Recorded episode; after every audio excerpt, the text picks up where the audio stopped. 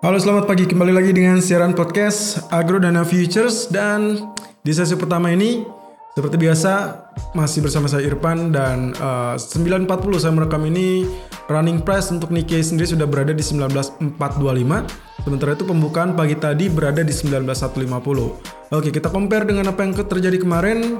Uh, bearish candle di hari Senin ditutup di angka 19035 dan kali ini justru dibuka 19150. Jadi ada gap up 120 poin ya. Dan entah kenapa ternyata dia tidak menutupi gap sama sekali. Kalaupun areal terendah 19080 uh, artinya dia hanya kurang lebih selisih 50 poin saja dari areal penutupan kemarin ya. Jadi kita asumsikan bahwa gap yang ditutup hanya sekitar 25% atau seperempatnya saja. Tapi it's okay, dan itu itu adalah sinyalmen yang cukup baik. Oke, kembali ke dalam pola yang sempat kita kupas kemarin, di mana polanya sebetulnya walaupun turun, kemarin saya sempat mengatakan bahwa turun pun tidak akan terlampau jauh, dikarenakan area uh, support itu adalah area resisten yang sebelumnya sempat diragukan atau sempat dicurigai sebagai area double top. Dan itu ternyata terjadi meskipun kemarin sempat sampai penurunan di angka 18 ya, atau ya 18940 tepatnya tapi itu masih dalam areal-areal uh, support atau yang sebelumnya menjadi area resisten dari double top. Lalu kali ini dia kembali naik dan ini sangat bagus. Sentimen market kembali tumbuh setelah ada harapan tentang ditemukannya vaksin dan akan masuk ke uh, masa uji klinis. Meskipun ini sebetulnya bukan kabar baru ya karena kita dalam beberapa minggu terakhir terutama kita lebih sering dengar dengan vaksin sudah ditemukan tapi butuh proses vaksin ditemukan lagi di di suatu negara lalu kemudian butuh proses dan semua memasuki tahapan uji klinis. Tapi yang membuat berbeda di sini adalah vaksin tersebut ditemukan di negara tempat awal mula virus tersebut uh, ditemukan yaitu China. Ya semoga saja ini mana pun vaksin yang benar ini akan akan merubah semua tatanan dunia, terutama juga kemungkinan harapan-harapan yang tumbuh pastinya. Dan dari Jepang sendiri saya belum menemukan ada berita apa pun, hanya sekedar retorika di mana yang selalu disampaikan oleh baik itu menteri ataupun perdana menteri AB ataupun BOJ itu mengatakan tentang uh, mereka tidak segan-segan untuk melakukan intervensi ataupun melakukan uh, kebijakan untuk menopang ekonomi lebih kuat lagi. Nah, kurang lebih itu adalah retorika menurut saya karena selalu disampaikan ulang tapi tidak ada kenyataannya. Jadi paket kebijakan yang big atau yang cukup besar untuk Jepang itu hanya satu kali diumumkan kemarin dan itu pun belum belum ada lagi wujud tambahan seperti apa. Ya, outlooknya kurang lebih menurut saya ini lebih kepada harapan yang digelontorkan dari Fed.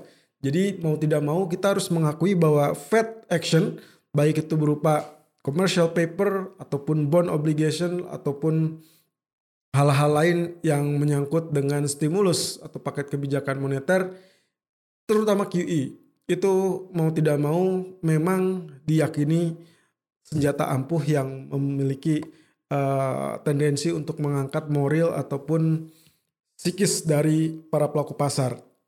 Oke, kembali ke dalam bentuk grafik atau pola grafik Kali ini saya melihat potensi pergerakan kembali masih seperti kemarin.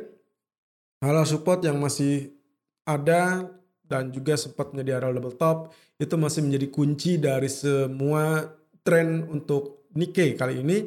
Dan kalau Anda tarik garis dari bawah di situ Anda menunjukkan pola kenaikan yang justru semakin signifikan nampak.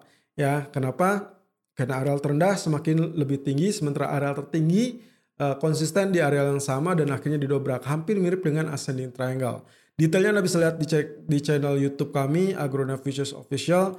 Lalu kemudian uh, di grafik keempatnya ini juga masih berupa kelanjutan dari kemarin. Kalau kemarin mungkin masih ingat ada swing low. Nah di situ ternyata swing low ini kalau dikarenakan ada gap up sekarang dia mulai muncul untuk arah ke atas. Nah akhirnya dalam wave terakhir ini bentuknya hampir mirip dengan pola double bottom.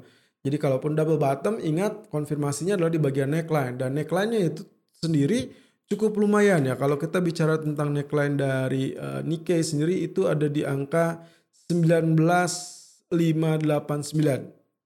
Sejauh ini areal tertinggi baru sampai 19475. Jadi kita akan menantikan apakah ini bisa didobrak kembali apa tidak. Kalau yes, berarti kita akan mendapatkan pola kelanjutan dari uh, rectangle atau up uptrend atau bullish flag ya kurang lebih. Karena pergerakan sejak kemarin bergerak dalam pola rectangle yang cenderung datar ataupun sideways. Jadi kemungkinan potensi untuk hari ini saya buy on breakout di 19320 ataupun 19330 targetnya 19400 ataupun 19500 uh, sorry 19450 atau kurang lebih bisa juga untuk mencapai 19500 kembali. Dan stop loss di 19250 ya so far dia sudah berada di 425 tadi beberapa waktu lalu saat saya memposting grafik itu dia sempat uh, kembali kurang lebih sampai areal 19375 ya jadi kemungkinan potensinya sebetulnya masih bisa untuk terkoreksi dulu, tapi koreksi itu adalah kesempatan untuk Anda melakukan aksi buy uh, on breakout. Karena area breakout ini sebetulnya arealnya 19160 sudah sudah sejak tadi pagi ya. 19160 tapi uh, akan ada peluang lagi kurang lebih kalau 3 350 itu oh, konsisten di atas areal tersebut. Artinya sekarang kalau dia sudah sudah mengarah di atas area 19350 itu sudah sudah konsisten confirm dia akan melanjutkan untuk menguji areal resisten berikutnya yaitu areal neckline.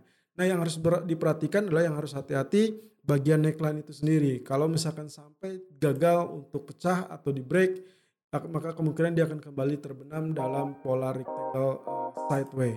Kurang lebih seperti demikian untuk Nikkei.